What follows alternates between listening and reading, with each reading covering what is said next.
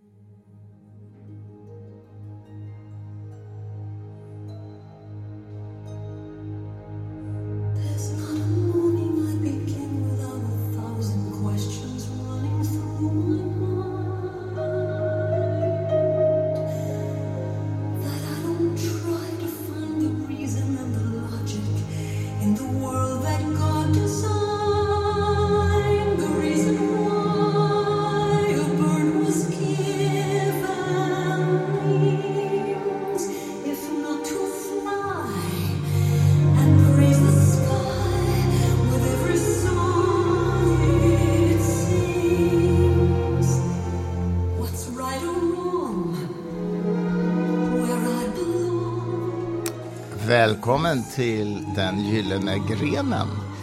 Vi har redan spelat in, börjat spela in. Du har redan spelat in hela avsnittet. Vi har redan spelat in hela avsnittet så du kan... Nu säger Victoria att hon ska bara hämta en sak här, men uh, okej.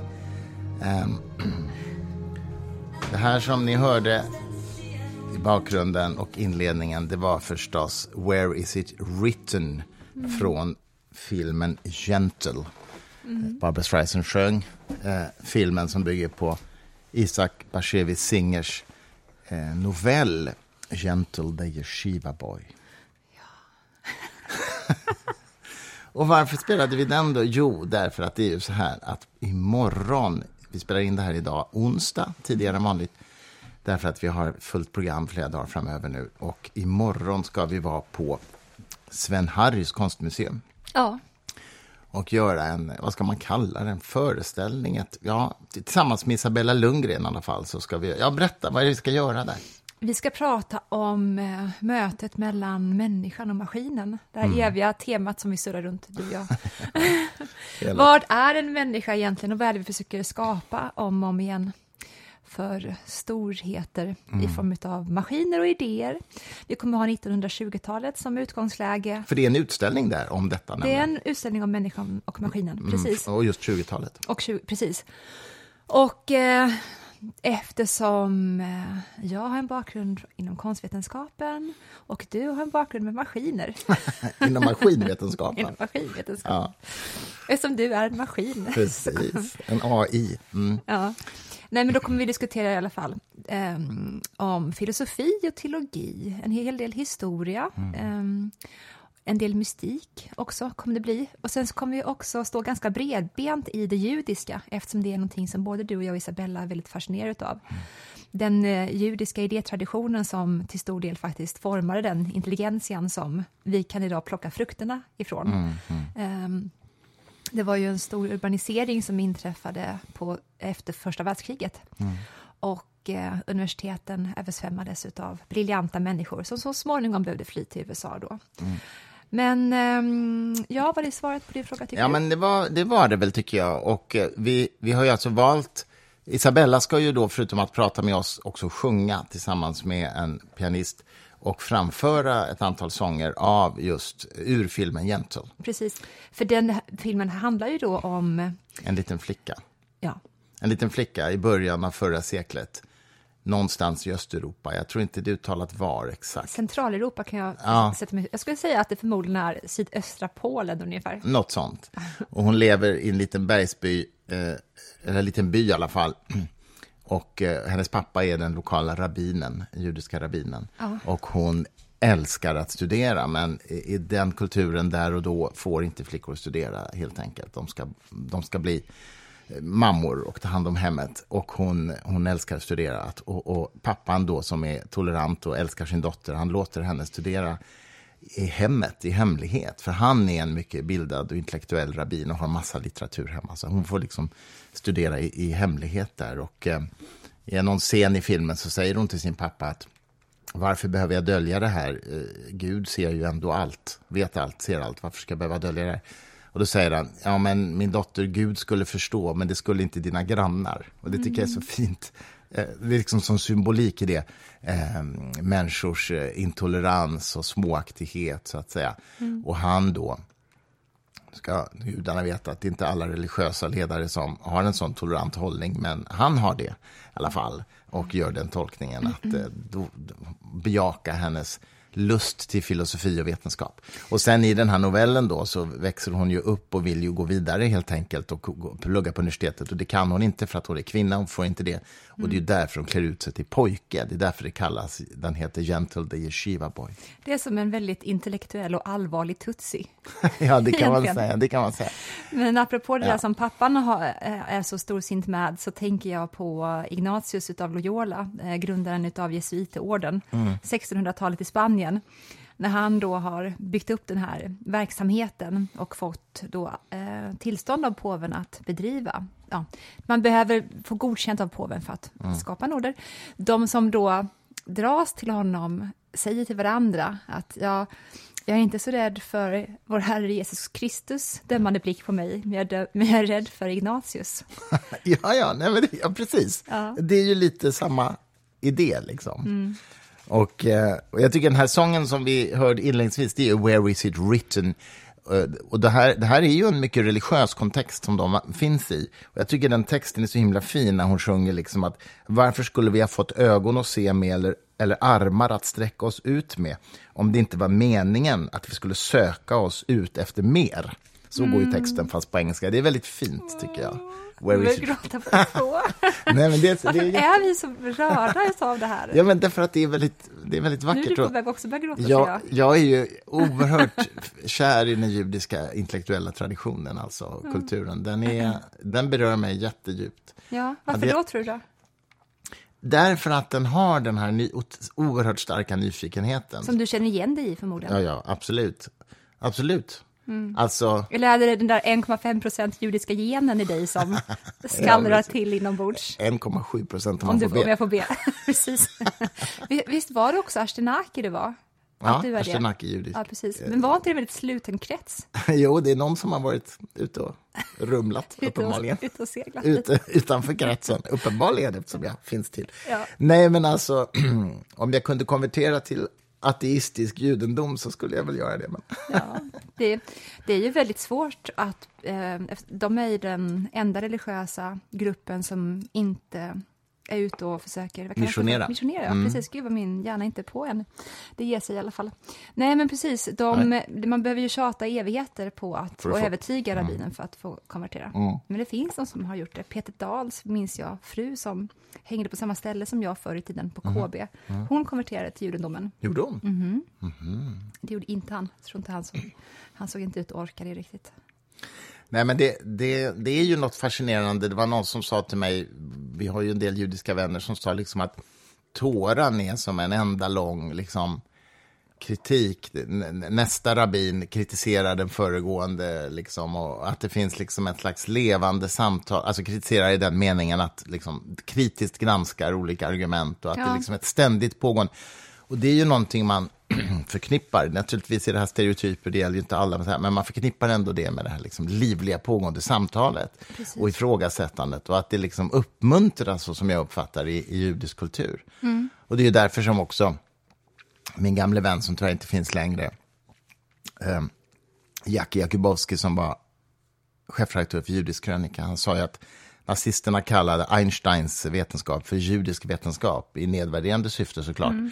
Men han sa att i någon mening så var det judisk vetenskap. Det var alltså präglat av den här judiska ifrågasättandet, att inte acceptera de de rådande paradigmen, utan att alltid gå utanför, ja. tänka utanför boxen i någon mening. Men det, det, där skulle lika väl beskriva Gödel lika bra. När, ja, ja, att, det... Och han var ju inte jude, men e- exakt det som du sa nu sa man om honom, att han oh, ifrågasatte... Ja, ja. Nej, men det är det jag menar, att det här är ju naturligtvis inte, det är bara så att det är kanske en starkare kraft i den judiska intellektuella kulturen än i andra. Det betyder ju inte att det inte finns men i andra. Precis, precis, det präglar förhållningssätten. Ja. Det är ju det väldigt, väldigt tidigt. Och uppmuntras, tror jag. Um, precis. Men Gödel var ju verkligen sån, eller Kantor, matematikern, var ju inte heller eh, Nej, han var protestant. Ja. Han, han blev tokig. Också. En ja, det blev Gödel också i och för sig. Ja, jävlar, det blev han faktiskt. Men du ska inte prata om Gödel. Einstein igen. blev inte tokig. Nej, han blev inte... Varför tror du att han inte blev det? Han, Förlåt. Men han såg också ut att ha så mycket bättre självförtroende än Kantor och Gödel. Ja, alla, alla foton på Einstein, där står han och har sånt där stort lugn över sig, om ni förstår vad jag menar. Medan Gödel och de andra ser ut att bara vara hariga och livrädda. Och tar sig kanske på väldigt stort allvar också, jag vet inte. Paranoida. Ja, de, har de ju gemensamt, ja, Kantor och Gödel. Mm, inte Einstein, nej men precis, nej. så är det naturligtvis. Han bara spelar fiol. Klädd, var han lite transig? Einstein. Nej, men han var nog lite aspig. Jag tror att han inte riktigt brydde sig om vad han hade på sig. Ja, du tänker så. Mm. Det finns ju ett underbart foto av Einstein där han sitter på en brygga och sen så har han så här lurviga tofflor. Ja, har du sett det? Kanske. Skål förresten. Skål älskling. Det ser ut som att han har små liksom, djur på fötterna och så ser han helt lycklig och fridfull och glad ut. Det finns ju den berömda bilden när han räcker ut tungan. Jag trodde ju länge att det var fejk, men det är tydligen inte. Varför trodde du att det var fejk för? Den är väldigt lång dock. Den är lite obehaglig den tungan. Ja, det kan... Det är så här, Gene Simmons i Kiss är den ja, enda som skulle kunna konkurrera. Det. Vet du att Gene Simmons för övrigt dejtade Liv Ullman? Nej. Det är väl glad att du vet nu, eller hur? Otroligt väsentlig kunskap. Som Men man vill veta en sån sak. Ni som lyssnar, vill, ni är också glada för det. Hon visste ju inte att Gene Simmons sjöng i ett band. Hon bara blev liksom uppraggad av en lång mörk jude på en mm. fest. Mm som var jätteintellektuell och kände var han till, det? Ja, jag visst, och kände till, är han lever fortfarande, mm. kände till allt om Bergman och lalala och mm. Tjechov pratade de mycket om och så. Och sen så, vad heter det? Så, Varför så, vet du allt det här för? För att jag minns så mycket om allt. Eh, så han bjöd ut Liv i alla fall och han sa, du kan få följa med mig på en konsert jag ska ha om du vill. Mm. Jag kan hämta dig innan konserten. Och då kom han i sina scenkläder och knackade på. Nej. I sina platåskor. Han var ju jättelång utan platåskor. Och så har han hela den här utstyrseln på sig. Hon bara... Eh. Det blev inget mer sen. Jag tror de låg. Nej, men. Gud, Nej, men jag tror verkligen det. Overinformation här. Det var, du, du, du, ville, du ville veta egentligen. Du får bara... Inte just det kände jag inte jättestor angelägenhet av att veta. Men om de blev ihop eller inte vill jag gärna veta. Ja, det, om de liksom levde, om de hade en relation? Nej, jag vet inte mer än det här. Faktiskt. Hur mycket tror du jag vet om det här egentligen? Alltså, är inte det här nog för Jag är redan förstummad. Du är redan förstörd. Av vad du vet. Men vi måste gå tillbaka lite grann till vårt tema som vi ska ha imorgon. För jag vill ändå bolla det lite med dig. För att det som är kul här är ju att, att den här tiden var ju... Alltså det är därför vi har valt den här musiken och den här singerhistorien. Det är ju att det här var en brytningstid där alla liksom invanda världsbilder ställdes på ända och det påverkade ju också musiken och den atonala musiken liksom mm. uppfanns, eller vad man vill kalla det, utav mm. Schönberg. Och... Alla bollar var lite i luften. Alla bollar var i luften. Och man visste inte riktigt hur de skulle landa och vad det skulle bli för ny, nytt format av konst exakt, och vetenskap. Exakt. Och, um, inom konstvärlden, målerikonsten, alltså dadaismen var mm. jättestor. Mm. Och jag tycker den är fruktansvärd. Dada betyder ju faktiskt nonsens.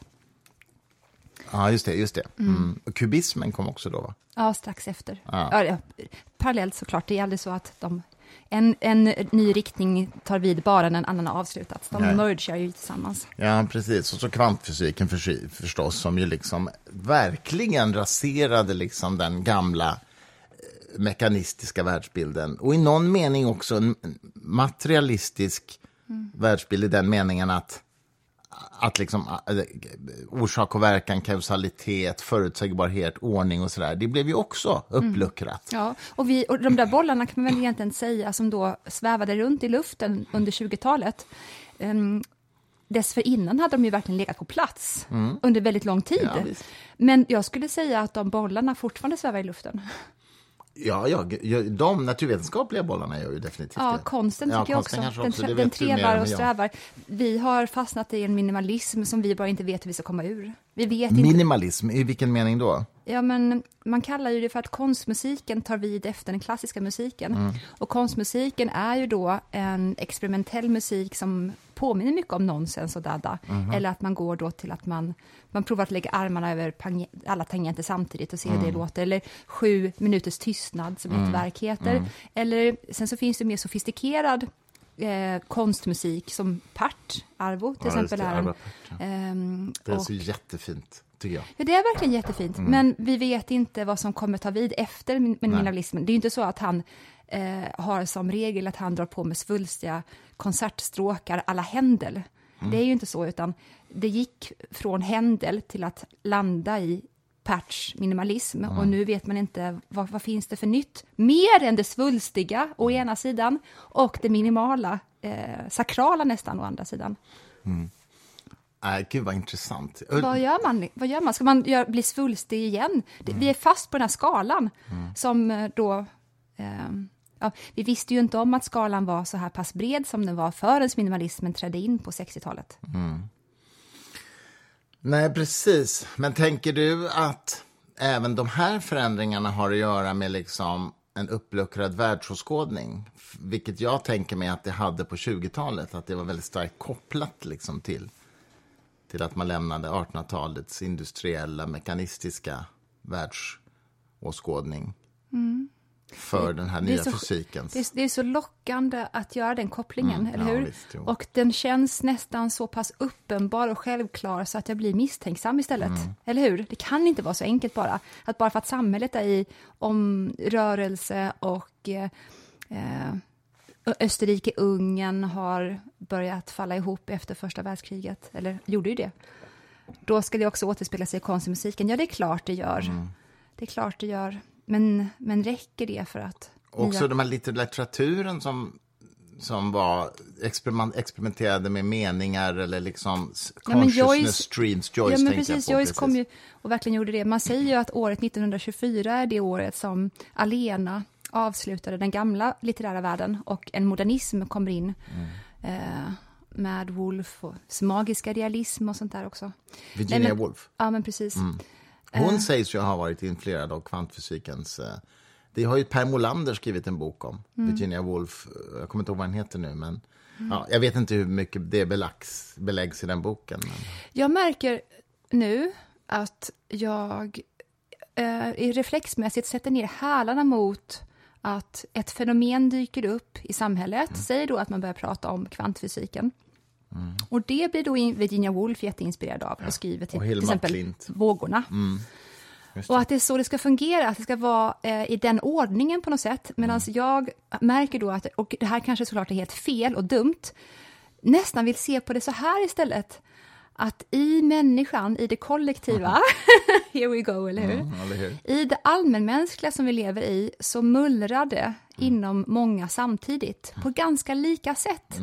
Och eh, det ploppar upp liknande uttryck runt omkring i hela världen ungefär samtidigt, eller säg bara Europa för att avgränsa det. Och det tar sig sen i uttryck i form av kvantfysik, i form av att Virginia Woolf skriver som hon gör. Och sen så kommer vi människor som då har den här besattheten, eh, upplysningstidsbesattheten och skapa kausala samband. Där kom det och sen kom det och sen kom det och det innebär det här. Och där tror man att man har fångat det. Man Jag vill tror- se mönster liksom, Ja, jag tror, inte att kausalitet. det, jag tror inte att det funkar så. Bara i alla fall. Nej, men det, det är väl ganska välbelagt tror jag att, att idéer ofta uppstår oberoende av varandra samtidigt. Ja. Eller i alla fall skenbart oberoende av varandra. Åtminstone det är personer som inte har haft kontakt om Så idén. är det ju. Och verktyg Det gjorde ju Darwins ploppar upp. evolutionslära också. Den kom, bubblade ju på flera ställen på en gång.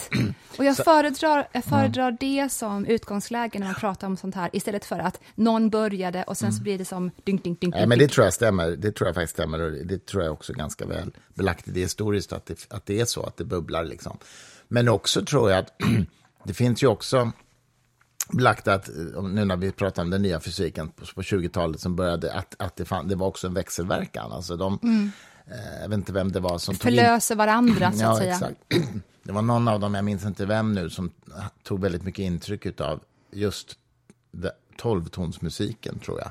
Och lånade in, alltså en fysiker menar jag nu. Ja, en, Eh, en tysk fysiker som inte spelade orgel, minns jag. Ja, någon av de här pionjärerna, Mm. jag minns inte vem det var, men att det fanns, det fanns liksom ett flöde i, i båda riktningarna, eller i olika riktningar. Absolut. Och vi, vi har väl redan pratat i podden om Schrödinger som jag läser ytterligare en ny biografi om nu, att han, han var ju, samarbetade med en katolsk präst, och som också var professor i filosofi, det har vi pratat om förut. Och, eh, och att han hade, var väldigt influerad av de här vedanta, hinduiska antika skrifterna, Vedanta. Samtidigt som han kallade sig själv för ateist, men han var alltså dju- djupt inspirerad av Vedanta-skrifterna. Ja, besatt nästan. Jag Mm. tror också att när han kallar sig själv för ateist, då är det gentemot det gudsbegreppet som används i Europa. Eller hur? Det är, Ja, det, han, det, alltså- är det han förmodligen vänder ryggen till. Teism. Ja, precis. Ateist betyder ju Ja. icke-teist. Ja. Tänk vad roligt ifall det fanns ett, eh, nekande, en motsatt till alla andra gudsbegrepp också. En anti, ja, en, ett antibegrepp. En, en adeist, ah. apanteist. Ah. Ah. Ja, det, ju, det, skulle man ju kunna använda de begreppen i och för sig, men de är ju inte vedertagna. Men ateist är ju trots allt... Alla är inte för många kompisar då i alla fall. Nej, precis. Man går runt och bara säger, jag är apanteist. Alla bara, hej då. Ingen kommer ju vad han pratar om. Nej, dessutom. Men, men, men han, han, han, skriver, han skriver själv att han var ateist. Och det, jag tror att du har helt rätt i att det var ju, det var ju förhållande till den, den kontext, mm. kristna tradition som han fanns i. Ja, visst. Antagligen. Ja. Om man får gissa. Mm. Ja, men uh, Heisenberg i sina memoarer har, har ju också roliga samtal med sina kompisar på den tiden där Dirac var tydligen extremt antireligiös. Vad sa du? Det har du berättat. Ja, ja, vi pratade om det förra på, på jag vet. Men allt det här liksom äh, ha, händer ju i en tid när man samtidigt kämpar med att få ordning på en världsåskådning som inte går ihop. Liksom. Ja, ja, visst. Precis. Och det, jag tycker ändå det är kul och fascinerande hur det här hänger ihop med, med de olika konstuttrycken och, och litterära och musikaliska uttrycken. Det, fin, mm. det finns något flöde där åt alla möjliga håll. Ja, jag blir också så intresserad av när de här människorna som har byggt nya teorier om verklighetens beskaffenhet, mm. när de då har en jätteklar förmåga, uppenbarligen, inom logik, eh, bildar inom så mycket. Och sen tycker jag det är så intressant när de bara tappar det. När människan plötsligt bara tar över i dem, när de blir obstinata eller arga. Jag tycker mm. ilska är så himla intressant. Eh, men till exempel Dirac då, för att han är ju, han blir ju liksom, han är ju i affekt verkligen mm. när han skrek det här om att religionen är bara ett idiotiverktyg mm. ungefär. Mm. Mm. Jag menar, eh, det är en sak att tycka det, men det är en annan sak att dessutom vara arg. Ja. Eller hur? och eh, det är som att det, och jag, och det blir intressant att höra vad du tycker om det. Jag märker på mig själv att min måttstock som jag håller upp gentemot människor och tänkare, mm. hur långt komna de har kommit med sig mm. själva, då är det ofta ilska jag använder mig av. Mm. hur ofta blir de jättearga? På vilket sätt blir de jättearga? Eh, har du någon sån mått, måttstock som du håller upp för att bedöma människors färdigheter? I, i, i, alltså inte akademiskt, men som, som, i sin mänsklighet? Oj, vilken svår fråga. Inte som jag kan liksom direkt tydligt formulera, så att säga. Jag, jag, eh, jag man kan ju tycka... Kan, alltså, en människa som blir arg väldigt lätt på mycket olika saker eller som är allmänt intolerant, den människan har ju någon form... Om det är en mognadsproblem eller om det är en slags frustrationsproblem av något annat skäl, det vet jag inte. Nej. Eller känslomässigt problem. Sen, sen kan jag väl tycka liksom att kopplat till religion så är det klart att det finns en massa religiösa förhållningssätt som det verkligen finns anledning att vara på för att de är väldigt människofientliga. Men, men däremot finns det ju andra som inte är det och som det inte finns anledning att vara på. Så det går ju inte att liksom men, och, det, och, det, och dessutom är eh, ytterligare en sak är ju hur man kanaliserar ilskan. Ja. För att jag menar, får du jättemycket eh, gjort som är positivt enligt dig, om mm. du är i superaffekt, du kan ju vara arg och lugn, eller hur? Ja, ja, absolut. Men jag menar, arg i den meningen, ja, ja nej, men naturligtvis. Ilska är väl aldrig konstruktivt. Men det, det, finns saker som det kan vara värt att kritisera, så att säga. Ja, det är ju absolut. Eh, och, och, och, göra det med, liksom, med mm. kraft, så att säga. Men, eh, ja, men precis. Men, då, ja. ja. men man tar ju inte någon på allvar som står och bara är hysterisk. Nej, så själv, självklart. Men eh, återigen, Jung, jag tyckte det var så fascinerande en person som han då har grävt i sitt psyke och i andra psyken i hela sitt liv mm. och har kommit fram till så otroliga, enligt min mening, då, teorier om hur vi eh, ja, vad vi består av för någonting. Mm. Det är mm. nästan att man skulle kunna använda upplyst som begrepp med Jung, att han är nästan till upplyst som mm. människa vad ni nu vill lägga i det begreppet. Mm. Men då är det fortfarande så intressant att veta att när han sen hade en hushållerska, när han var 80 plus, eller 80, runt 80, Just. då fick han bara som vansinnesutbrott på henne stup i kvarten och bara skrek till henne om och igen att jag har ju sagt att du inte får göra mig så här arg. Och, ja, och då var det för ingenting. Då var det bara att hon typ hade ställt sockret där istället Nej. för där. Och Vad hemskt. Jag vet! Varför och, gjorde han det? Men jag vet, jag vet. Mm. Också Ingmar Bergman, han blev ju också arg hela, hela tiden. Ja, det har väl hans hushållerska berättat om här, känsla av. Ja, bara för att ge en tredje exempel på ilsken man med hushållerska, så Schopenhauer puttade ju ner sin hus, hushållerska för en trappa. Förlåt om inte att skratta där. Det var olämpligt. Men det var, ja, hon stämde ju honom sen. Girl power. Alltså, gjorde ja. hon det? Ja! Wow, Ja. okej. Men han var så jävla irriterad på henne. Apropå det har ju Trump blivit fälld nu för sexuella trakasserier. Det kom ju domslut alldeles i dagarna från USA. För någonting som hände på 90-talet tror jag. Ja. Eller möjligen ännu äldre, jag kommer inte ihåg, men väldigt länge sedan. Och det är tydligen civil, ett civilmål så att fängelsestraff kan det inte bli.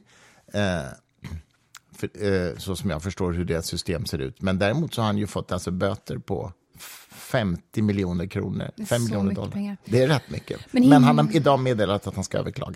Ja, det är klart. Men hindrar det här honom, om han skulle fortsätta att vara fälld för detta, hindrar det honom från att kunna bli Nej. president? Nej, Nej, okej. för det är inget, inget fängelse. Nej, jag förstår. Jag såg att The New Yorker hade en, henne på omslaget faktiskt, idag. aha. Och då var, där stod det som rubrik, de här kläderna hade jag på mig när Donald Trump Mm. begick de här övergreppen.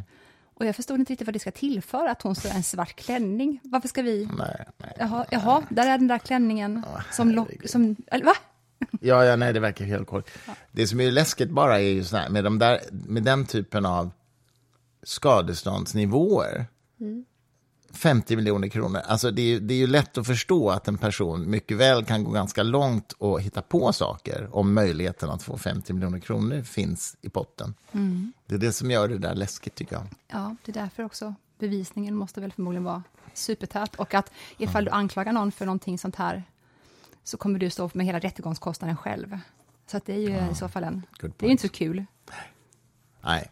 Men du, vi ska göra mer saker eh, innan, innan ehm, det här Så, sänds. t- så jag, jag ska bara Mm. säga som slutsats.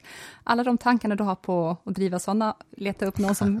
Lägg ner dem, tror jag. Jag ska lägga ner dem. Ja. Du, på fredag ska vi också prata Ryssland. Ja, jättemycket ska du och jag prata. Ryssland. Helsike. Mm. Först ska du prata Ryssland i en timme, sen ska jag prata Ryssland. Men inte med dig, utan med två stycken Rysslandskännare. Mm, Allt finns på fritanke.ses hemsida om, eh, om Stockholms bokhelg, helt enkelt. Det är ju ett enormt program som pågår hela helgen. Eh, men eh, du och jag ska göra de grejerna på fredagskvällen och sen på lördagskvällen så är det ju det stora idea battle där vi ska... Alltså, gud. existentiell salong. Jag är så peppad. Du och jag och Farshid, Farshid Jalvand och Joel Halldorf jag. ska frågas ut av Nina Hemmingsson. Precis, nu fick jag lite info att det skulle inte vara två lag mot varandra, men, jag, men det kommer ändå vara det. Jag vill att det ska vara det. Jag vill vara, i- ja, det blir jag och Joel då mot dig och Farshid. Jaha, det tror du? Vi får se. Vill du vara med mig, älskling? Är det så? Ja, det vill du. Du gav lite indikationer på det igår i Joels kommentarsfält på hans Facebook-inlägg. Ja, men jag tycker det, men vi måste ju bara liksom skapa lite osäkerhet här i bland Du är en trickster som bara jinxar uppfattningen Ja, de får, dig. inte förvä- de får inte tro att de vet hur det kommer gå. Jag tycker att det ändå var lite roligt av Joel att kalla er för cellsex-teamet. Men det menar han ju att du och Farshid, tror han i alla fall, jag tror att ni, det tror jag med, så det Mm. Ja. är den uppfattningen jag fått, Ja, jo, att, det- att ja, ni tror att människan är en påse celler bara. Ungefär. Well, ja, det- that depends on what you mean. I någon, i någon, någon mening tror jag det, ja. Men vi- det, det där tar vi på lördag, tycker jag. Jag vill inte liksom outa mina argument här. Vill du inte det? I förväg Är till du, dig. är du säker? Ja, jag är Kolla vad gullig jag ser ut. Vill du inte? Nej, nej, nej, jag ska spara mina bästa argument till slutpläderingen på lördag. Mm, bara, det, vet du, bara det att du berättade för mig att det är den inställningen du har, att det är just argument, Mm. det gjorde att jag hade en fantastisk promenad häromdagen, då jag bara visste hur jag skulle ta ett metagrepp om dig. Jag, Ja, det är bra.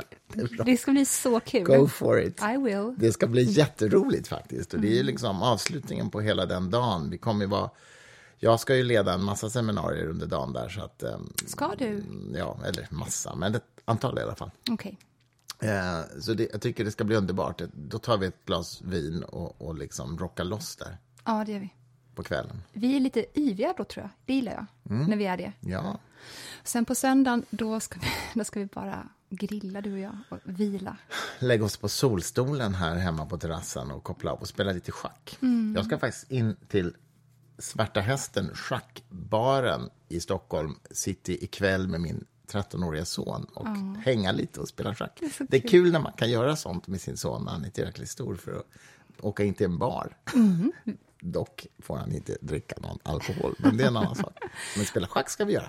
Och jag ska sitta hemma och läsa om Weimarrepubliken. Ja, Sexigt, va? ja, jätte, ja alltså, kul! Ja, himla kul. Du, ska vi uh, avrunda faktiskt? Det blir en lite kortare podd den här mm. veckan, men um, Vi behöver fixa med annat. Men uh, det uh, var kul att få prata en liten stund med dig här nu och om detta. Sen är det och... slutpratat till nästa poddvecka. Ni kanske inte vet där ute att de enda gångerna som jag och Christer kommunicerar, det, det är bara när vi sitter, träffas här. Tänk om det var så. Ja. Mm. Jag, vill, okay, jag vill säga det här innan mm. jag sätter på musiken. Mm. Eh, det mest sjuka som jag har hört om ett annat författarpar, det är ju Joyce Carol Oates, mm. som var gift, när hon var gift med sin första man, mm. då så jobbade de ju separat under dagtid, som nästan du och jag gör, också. Mm. Ibland liksom typ möts vi under lunchen och mm. typ pussas lite och sen så bara mm. går vi tillbaka och jobbar igen. Men när Joyce Carol Oates, hennes man, första man levde, när han levde, då sågs de på kvällen mm. och då hade de en husa som de inte misshandlade, mm. apropå de tidigare ja, exemplen. Ja, och sen så åt de middag och sen diskuterade de bara vad de hade arbetat med på dagen. Okay. De diskuterar aldrig någonting privat eller några bekymmer. Och hon säger ju också i den här dokumentärfilmen som den här svenska ja, fotografen har gjort, hon bara, nej, det skulle jag aldrig göra. Jag skulle aldrig berätta om några problem för honom. Varför skulle han vilja höra det? alltså, why? Det, det, var lustigt. Det är otroligt märkligt. Det. Man har ju till, det finns inget mysigare än att veckla ut sig själv ihop med andra. Nej, Nej. men... Också, också i alla fall. Men vi pratar ganska mycket också om, eller arbetar med, vi pratar om ämnen som intresserar oss och idéer eh, som intresserar oss, pratar vi ganska mycket om. Ja, visst. Faktiskt. Absolut. Men jag, eh, du och jag själv analyserar ju också inför jo, den andra, jo. om oss själva. Mm, och så ja. får vi input och feedback från den andra. det här, nu avrundar jag med slutet på Where is it written? Varför sjunger hon så bra? Det är inte okej. Okay. Lyssna, lyssna.